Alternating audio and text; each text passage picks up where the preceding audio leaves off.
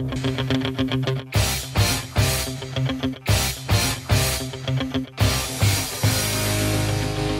байцгаана уу? За манай Data Play э, шинэ подкаст тавтаа морилно. За би судалгаа зөвлөх үйлчилгээний Sika компани үүсгэх сэрэл Эрдэнэлэг байна. За намайг AB гэж дууддаг. Энэхүү подкастыг надтай хамт хөтлөхөөр data scientist уян маань бас хүрэлцэн ирсэн байгаа. Сайн байцгаана уу? Намайг Уянга гэдэг. Би data scientist-аар суралцаад за судалгаа шинжилгээний чиглэлээр сүүлийн 8 жил ажиллаа явж байгаа. Ер нь бол их хөгжил болон хэрэглэгчийн судалгаан дээр анализ хийдэг гэсэн. За бид хоёрын хувьд бол энэхүү data play гэдэг шинэ подкастыг бас Sika судалгааны компаниас санаачлаад спонсорлоод ба шинээр хийгдэж байгаа тий. Тэгээд энэ нь бол судалгаа шинжилгээ датаны чиглэлээр суралцдаг, сонирхдаг болдог. За энэ чиглэлээр ажилладаг хүмүүст зориулсан мэдлэг мэдээлэл олох зорилготой подкаст болгон бол шинэ гаргаж байгаа. Аа. За манай подкаст нь бол судалгаа ба дататай холбоотой бүх төрлийн агуулга контент хамруулан дугааруудаа бэлтгэе гэж бодож байгаа. Аа одоогийн байдлаар бид хоёрын харж байгаагаар бол тэ дугааруудаараа ерөнхий судалгаа шинжилгээний арга аргачлал, дата болон дата сайенсийн ойлголтуудыг бол дэлгэрүүлэн одоо өөрсдийн хэмжээнд айлуулах бодит байдал жишээ авам тэ. Зарим дугаарууд дээр бол энэ чиглэлээр бичигдсэн сонирхолтой ном, нийтлэл, ивентийн талаар тэ эсвэл э, зарим дугаарууд тийм зочин ураад тий одоо яг энэ салбарын туршлагатай хүмүүсийг ураад голгол хүмүүсийг ураад ингээд олон төрлийн юм хэлбэртэй контентуудаа хий гэж бодож байгаа. Тэгэхээр ер нь бол манай контент бол нэлээд сонирхолтой контент болно гэж бодож байгаа. За тэгээд энэ подкастыг хийж байгаа шалтгаан маань юу вэ гэхээр нэгдүгээрт бол дэлхийн чиглэл хандлага дата руу чиглэлсэн. Дата маань бол маш чухал баялаг болон хувирсан тий. Тий. Датаг бол одоо орчин үеийн газрын тос ч гэж байгаа тий. Шинэ алт ч гэж нэрлэдэг байгаа. Тиймээс ер нь бол дата маань байгууллагуудыг улс их орны өрсөлдөх чадвар хөгжилд бол нөлөөлдөг хамгийн гол хүчин зүйл болоо хувирсан. Жишээлх юм бол 2012 онд Америк нэгдсэн улсад Обамагийн засгийн газар их дата болон судалгаа өгдөл. За тэгээд одоо энэ хөгжлийн санаачлагыг боловсруулаад 200 сая ам доллар хөрөнгө оруулалтыг бол хийсэн байна. Тэгэхээр тэр чинь бүхэлд 8 жилийн өмнө энэ датан дээр ийм их ач холбогдол өгөө тий хөрөнгө оруулалт хийгээ явсан гэхээр маш их нөлөөт нь бол харагдаж байгаа тий. Энэ сайн нөгөө чам нөгөө алт гэдгсэн чинь бас нэг санаанд орчлоо. Нүс нэг Alvin Alvin Toffler үлээ бас нэг тийм хүний бичсэн гурван ном бичсэн байл да. Тэр хүн бол яг өгөхөр өмнө нь бол зэвсэг айгүй хүчтэй байсан. Дараа нь мөнгө айгүй хүчтэй болсон. Одоо болохоор дата зэвсгээс ч илүү хүчтэй, мөнгнөөс ч илүү хүчтэй. Бидний ирээдүйн амьдрал нөлөөлнө гэдээ бичсэн байлээ номон дээрээ. 2030 онд бол бас дотоодын нийт бүтээгдэхүүн бол 120-оос 130 тэрлэн доллар болно гэд PwC бол үнэлсэн юм. Тэгээд PwC-ийн энэ судалгаан дээр бол 15.7 тэрлэн доллар нь бол хиймэл оюун ухааны нөлөөгөөр үүссэн юм бүтээгдэхүүн. Зөвхөн хиймэл оюун ухаан тийм. Зөвхөн одоо хиймэл оюун ухаан. Тэгэхээр энэ бол одоо 12% гэсэн үг. Тэгээд энэ их хэмжээтэй тооны тий 12% гэдэг бол одоо маш том бидний эдийн засагт одоо бүтээгдэхүүн бүтээгдэхүүн нийт бүтээгдэхүүнүүд яаж нөлөөлөх нь бол тод харагдаж байгаа бох. Тийм тэгээ үүнтэй холбоотой бас нэг сонирхолтой статистик байсан гэхээр хятадын хэмэл аюун хааны зах зээл бол 2030 онд яг энэ 15.7% өсөлт юм бол 70% эзэлнэ гэсэн байгаа. Тэгэхээр 19 оны байдлаар бол яг энэ салбарын хөрөнгө оруулалт нь 70 тэрбум ам доллараар үнэлэгдэж байгаа тий. Тэгэхээр 2030 онд бол яг энэ өсөлт нь бол хятадыг энэ салбарын тэргүүлэх номер 1 ус болон хувиргана гэсэн энэ тамгааллаас хийгдсэн явж байгаа. 7 тэрлэн гэсэн юмсан тий. Тэгэхээр 100 дахин тий. 100 дахин гэсэн. Тэгэхээр бас нийлээ хөрөнгө оруулалт хийгдээд энд маш их ач холбогдол өгөө явж байгаа нь харагдаж байгаа тий. За бас нэг сонирхолтой жишээ хэлэхэд тоо юм дуртахад одоо өнөөдөр бид нэр дэлхийн хамгийн үнцэнтэй 10 компани гэх юм бол 8 нь бол яг технологийн суурьтай компаниуд юм байна. За жишээлбэл ямар компаниуд вэ? Жишээлбэл одоо Apple, Amazon, Facebook тий, Microsoft, Google, Visa, Visa карт гэдэг тэгээд нөгөө талдаа хятадаас бол бас нэг Alibaba, Tencent гэх компаниуд байна. Нэлээд том компаниуд. Тий, бидний одоо өдөр тутмын амьдрал баг хүн болгоны мэддэг болсон компаниуд. Тэгээ энэ 8 компани бол энэ 10 одоо хамгийн үнцэнтэй компаниас 8 юм байгаа. Тэгээ энэ 8-ын хувьд бол өмнө бид нар мэдээлэл технологийн суурьтай компани гэж ойлгодог байсан. Технологийн одоо хөгжлийн давуу талыг давуу тал дээр бий болсон. А гэтэл өнөөдөр бол юу гэж харж байгаа вэ гэхээр энэ компаниудын тогтвортой удаан хугацаанд өрсөлдөх чадвар нь датагаа хэрхэн ашиглах чадвараас болж байна гэж үздэг. Тийм учраас энэ компаниудыг бол өнөөдөр дата компани болсон. Датаны одоо хууль эрх зүйн орчин зохицуулах ёстой гэж бас үзэж байгаа юм байна. Тийм. Тэгэхээр яг манай улсын хувьд яаж юм гэхээр энэ салбарын хөгжил бол дэлхийн хөгжилтэй хацуулга харьцангуй учралтай явагдаад байгаа ажиглагдаад байгаа тийм. Тэгэхээр Монголын хувьд энэ дата өгдөл томын дээр нь ямар байдлаар ашигладаг байна зөвхөн статистик. За тэгээ нөгөө тайлан тооцоо гаргах тийм. А уун шумандаа бол энийг бид нэр ашиглаад ирээдүйн үе чиглэсэн таамаглал тэгээ ирээдүйн хандлагыг тодорхойлсон маш олон зүйлүүдийг хийж болно. Гэхдээ яг сүүлийн жилүүдэд бол нэлээд их одоо дата цуглуулдаг салбарууд аль ялангуяа өөрийн телефоны салбар, банкны салбарууд тий. Эдгээр маань зарим нэг арга аргачлалыг нь ашиглаад датанаас үнцийг бэлгэх гэж болол хичээж байгаа. Гэхдээ бол яг хангалттай бүр боломжийн хэмжээнд хүртэл нь бол гаргаж авч чадахгүй байгаа гэж үздэг. Хамгийн их дата цан бол банк өөр албаны салбар ба тий. Ер нь бол эдгээр салбарууд байж байгаа. Тэгээ яг одоо шинээр гажиж байгаа стартапууд маань мэдээж датан дээр суурилж гарч ирээд байгаа шүү дээ. Тэгэхээр Монгол улсын хэмжээнд бол яг датаг датан дээр датаны ашиглалтыг одоо сайжруулах зорилгоор open data бол бий болгосон. За мөн 2009 онд бол data центрийг бий болгоцсон явж байгаа тий. Data центр маань бол IT-ийн үйлчилгээ үзүүлдэг, за web hosting хийдэг сервер түрээсэлдэг. За мөн сүүлийн жилүүдэд хур системийг хөгжүүлээд энэ дээр бол нэгдсэн тэм бүртгэлийн дата мэдээлэл дата баазыг бий болгоо явж байгаа. Тэгээ салбарын хэмжээнд аваад үзэл мэдээж бид нэр өөр өвөөж үнцний тооцох хэрэгтэй боловч яг энэ чиглэлд Монголын хувьд тооцсон үзүүлэлт судалгаа тийм үр дүн ерөнхийдөө ховор байна. Тэгэхээр яг Монголын хувь салбарын хөгжлийг хаана яваад байгаа гэдгийг тодорхойлоход хүндрэлтэй байна. За нөгөөдгөр бас манай улсын хувьд бол одоо энэ салбарт мэрэгсэн боловсон хүчин бол хомсдолтой байгаа санагддаг. Тэгээд датаны ач холбогдлыг ойлгосон дата анализ одоо хэр чухал вэ гэдгийг ойлгодог. Энийг хэрэгэлдэг хүмүүс бол их бага байгаа санагддаг. Энэ чиглэлээр бэлтгэдэг одоо мэрэгсэн тийм сургууль тий хөтөлбөр бол бас хангалттай биш байгаа санагддаг. Би л өөр нь сонсоогүй. Яг өөрөө яг энэ салбарт одоо ингээд салбарт одоо сурч хөгжиж одоо мэрэгсний хувьд тий ямар хөө боломж өгдөг юм бэ? Бид нар өнөөдөр залуучууд суралцсан гэвэл. Аа. За яг яг бүр одоо энэ machine learning тий тэгээд энэ химэл оюухан чиглэл рүү ингээ явхад бол яг монгол хэл дээр бол контент бол баг тий. Тийм болохоор бид нар яадаг гэхээр өөрсдөө сурж мэдэх. Тэгээд ер нь бол өөртөө судлах эсвэл гадаадд явж гадаадын сургуулиудад сурж мэрэгжил эзэмших бол шаардлага байна. Би өөрөө бол яг энэ замлаар явсан. За миний мэддэг бусад тий найз нөхөд мэрэгжлийн ханд нэгт одоо нөхөд маань бол ер нь бол нэг юм хөдөө замлаар яваад нэг бол өөрсдөө сурж мэднэ эсвэл одоо их сургууль гадны их сургуульд очиж мэрэгжил эзэмших болов. Өөрсдөө мэднэхэр онлайнаар гэсэн. Онлайнаар тий онлайнаар нэлээд олон платформонд гараад ирсэн тий. Тэгэхээр яг үүнтэй холбоотойгоор бүр 2011 онд McKinsey зөвлөх хөшлийн компани байдаг штэ.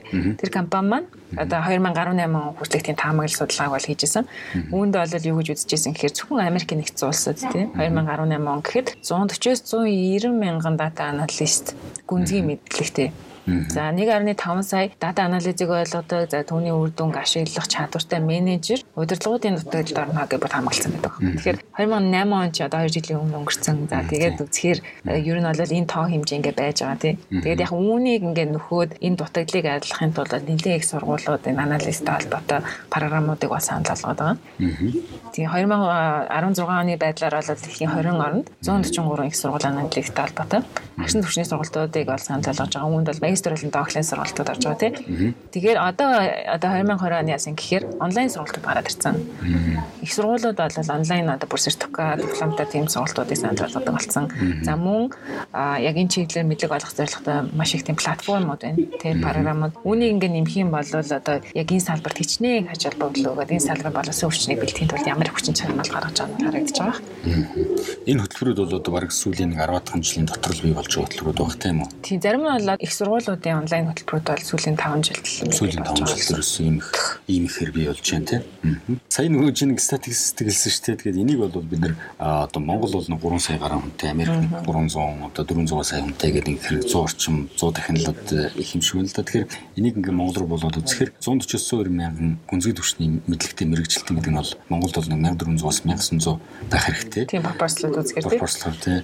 А нөгөө 1.5 сая гэдэг чинь 100 тоо харчин 15 мянга орчим тийм 15 орчим дата анализыг ойлуудыг хэрэглэдэг юм удирдлагын төвчний хүмүүс байх хэрэгтэй гэсэн пропорц гарч ийн л да. Тэгэхээр энэ ер нь яг бодит байдлаар ямар хөө байдаг юм болоо одоо. Аа. Тийм миний мэдхийн яг ингээд одоо томоохон компаниудад data science-тэй data анализаар ажиллаж байгаа. За тэгээд гадаадад мэрэгжил эзэмшээ тэндээ ингээд ажиллаж байгаа хүмүүс ингээд тооцохоор ер нь бол энэ чиглэл дээр бол нэг 200 300 орчим хүн байгаа л гэж би бодож байгаа. Яг мэрэгчлүүдийн хувьд удирдлагуудын хувьд бол би сайн мэдэхгүй байна. Яг ямар удирдлага энэ аналитикийн чадвартай байгааг бид нар бол ерөөсө тодорхойлж чадахгүй байгаа. Яг тэгэхээр статистик судалгаа ерөөсөй байхгүй байна тийм. 1400-аас 1900-аас 200 300 орчим гэхээр нэг нэг 20 орчим хувьтай тийм 20 30 хувьтай л гэж байна тийм. 15 мянган хүн дата ойлгодог. Окей би бол энэ дээр бол нэлээд тэр нь бага бага бага байх гэж бодож байна. Нэлээд бага байгаа. Тоо бас статистик байхгүй болохоор тийм.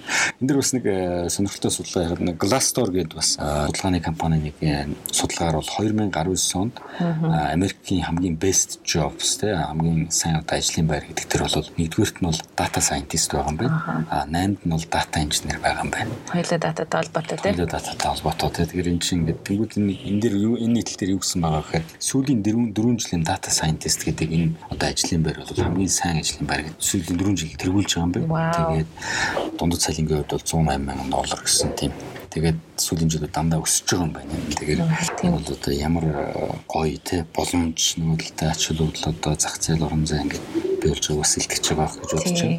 188 мянган ам доллар гэдэг чинь одоо дундад цалингаас өндөр байна гэсэн үг шүү дээ Америкт. Тийм баг тийм. Тийм тэгэхээр ер нь бол нэлээд 50 жирлөө явж байгаа. Тийм 60 доллар ч юм л бодлоо. Тийм. Тэгэхээр ер нь бол нэлээд одоо эрэлттэй байгаа л харагдаж байгаа тийм. Монголын хувьд яг ийм тоон статистик ер нь бол байдаггүй санагдаад байгаа. Ер нь бол яг бид нар ингээ хидчнээ хүн ажилтаа яг ямар чиглэлээр. Гэхдээ яг ингээ салбарын хүн хүрээ. Яг олон улсад хийж байгаа тийм судалгаа шиг тийм судалгаа бол Монголд авахгүй. Аа тэгээд хэдийгээр яг ингээ нөгөө статистикийн ангиуд ингээ манай их сургууль байдаг боловч энэ маань ерөнхийдөө жоохон тийм боломжтой судалгаа шинжилгээний арга хэрэгсэл бол яваад байгаа одоогийн байдлаар. Тэгээд data science-ийн маань нэг одоо томоохон тийм одоо ялгаатай зүйл юу вэ гэхээр энэ маань ингээ олон мэдлэгийн огтлцол дээр байгаа. Бид нэр яг энэ data scientist-ээр ажиллах хүсэж байгаа хүн бол computer science-ийн мэдлэгтэй байхыг шаардж байна. За математик болон статистикийн тодорхой ойлголттой байхыг бас шаардж байна тий. Тэгээд тухайн салбарынхаа мэдлэг мэдээллийг одоо эзэмшсэн байх ёстой гэдэг тийм одоо шаардлагатай байдаг. Тэгэхээр энэ гурван огтлцол дээр ерөнхийдөө data science байгаад байна. Тэгэхээр нэлийн ур чадвар шаардсан тийм мэрэгжил нь бол харагдаж байгаа. Гэхдээ нөгөө дөөгөр ер нь бол энэ data science-ыг бол хинж сураад мэрэгшээ явж болно. Ягаад тэгэхээр бидний одоо манай ажиллаж байгаа мэрэгчнүүдээ зарим нь өөртөө ингээд сураад ялангуяа одоо нөгөө онлайн source-тэй болсон учраас бид нэр сурах боломжууд маш их байгаа. Маш их ажлын байр одоо бэлэн болж байгаа учраас тий. Өмнө одоо хинч одоо хөрвөөд тий. Гэс одоо сайн дата сайентист болж болно гэсэн үг тий. Тий, тийм гэсэн. Энэ улс их орны болон одоо байгууллагын удирдлагууд бол одоогоос ингээд нэг датанд суурилсан шийдвэр, судалгаанд суурилсан шийдвэр гэдэг ингээд айгүйх яриад байгаа санагддаг тий. Гэхдээ бодит байдал дээр бол одоо хэрэгжилт багтайг бодиттой үр дүн гаргаж ашиглаж чадчих байгаа байдал бол бага санагдтiin. Аа. Тийм. Тэгэхээр ер нь бол яг энэ удирдлагуудад бол бид нэ тодорхой хэмжээгээр мэдээлэл өргөх датаны ач холбогдлыг таниулах шаардлагаас гарч иж байгаа л да. Яг тэгэхээр тэд нар маань гол ингээд шийдвэрийг гаргаж байгаа юмс. Тэгэхээр энэ подкастын бас нэг зорилго нь юу гэхээр бид нэр удирдлага яг удирдах албан тушаалных нь мэдээлгүргээд энэ салбарыг одоо дэмжин ажиллах тийм сэтгэл сэтэл мотивацийг олох нь бол бас нэг гол зорилго байгаа. Датанд ингээд суурилсан шийдвэр гаргалтыг бий болгоно гэдэг байна шүү дээ. Data based decision making те data driven organization гэдэг ойлголтууд гарч ирээд байгаа. Тэгэхээр соромж гэж гарч ирээд байгаа. Тэгэхээр энэ дээр бол хамгийн одоо энэ өөрчлөлт гол явах хамгийн чухал зүйл нь бол удирдлагууд гэж үзэж байгаа. Яагаад гэвэл одоо датаг цуглуулах, датаг ашиглан бүтэмжийг ингээд сайжруулах цаг хугацаа болон хөрөнгө бол маш ихээр шаарддаг. Тэр нь бол урт хугацааны өөрчлөлт болоо явчих. Айгуу урт хугацааны өөрчлөлт болно. А тэнгууд ингээд удирдлагууд яагаад энэ өөрчлөлт ингээд тууштай хийх хэрэгтэй гэдгийг бол маш сайн ойлгох хэрэгтэй байна эхлээд. А тэгээд тэр ойлголт мотивац нь бол хангалтгүй учраас удирдлагууд ихэвчлэн одоо юу гэдэг нь дундаас нь тийм одоо хуучин хоцрогдмол хуучин арга барилтаа ингээд зурлаа буцаад гусраа болгож байгаа юм шиг ингээд хуучин арга барил руу ингээд орчдөг. Тэгээд тиймээс нь датаны ач холбогдол үнцнийг бол хамгийн ихэнд бол удирдлагууд ойлгож өөрчлөлтийг шин зүйлийг туршиж үзэх шийдвэр гаргаад одоо тэрний хэдлээ бол тууштай одоо юу гэдэг хэдэн жил гэдгийг 2-5 жил ч гэдэг юм уу те ингээ аягаас коммитмент хийж энэ өөрчлөлт бол ажилттай болно гэж үзэж байгаа. Тэгэхээр ер нь бол дээрээс ингээ тодорхой яг энэ төвшний зүйлийг нэвтрүүлье гэдэг тийм зураглалыг гаргаад тууштай явах хэрэгтэй л гэсэн үг болж байна те. Тийм өөрчлөлтийг зураглалаа гаргаад тууштай те удаан хугацаанд. Тийм. Тийм тэгээд үүнтэй холбоотойгоор бид нар нөгөө өмнө боловсон хүчин бас дутагдaltaйгаа ярьжсэн. Тэгэхээр тэрний бас нэг шалтгаан монгол хэл дээр яг тэмтэй холбоотой контентууд маш бага байдаг толботой байх гэж би бас боддیں۔ Энэ нь бол одоо англи хэл дээр гэх юм бол Adacam, Coursera гээл тэ Udemy маш олон тийм одоо платформуд байдаг. Энээс ингээд англи хэл дээр маш олон тийм баялаг мэдээлэл авчиж болдог. Гэтэл Монголын хувьд бол яг сүүлийн хэдэн жилүүдээс эхлэл актем Data School гэдэг ер нь бол эхэлж байгаа. Тэгээ мөн одоо нэг хэд хэдэн яг боловсролын салбарлуу чиглэсэн стартап компаниуд бол бий болоо явж байгаа. Тэгэхээр яг манай энэ подкастын одоо зорилго тий зорилт гэх юм уу? Энэ бол залуу үеийн эрдэнэт судлаач, сурагч, за оюутнууд болон за байгууллага их орны удирдлагууд мэрэгчлэтнүүд менежерүүдэд зориулаад энийг бол нэг тийм мэдлэг мэдээлэл авах сууг байгаасай. Аа тэгээ Яванда ингээд одоо тийм яг энэ мэдлэг мэдээлэл ингээд бааз суур байгаасай гэдэг үндсэн дээрээс бас хийж байгаа. За тэгээд цаашдаа бол подкастын одоо дугааруудаа бол тогтмол хийн гэж бодлоо амлахгүй. Ямар ч тууштай одоо хугацаанд бол аягүй олон мэдээ гэж бодож байгаа. Подкастер одоо яг яагаад хийж байгаа хинд зориулж хийж байгаа ямар зорилгоор хийж байгаа гэдэг одоо подкастынхаа танилцуулгыг бол өнөөдрийн дугаараараа хоёр тайлбарлаа. Тэгээ та бүхэнд аягүй ойлгомжтой байсан баг. Манай подкастыг ирээдүйд одоо хүлээн авсан сонсно гэж найдаж байгаа. Аа. Дараагийн дугааруудаар уулзтлаа. Түр баяртай сонсогчдоо. Баяртай.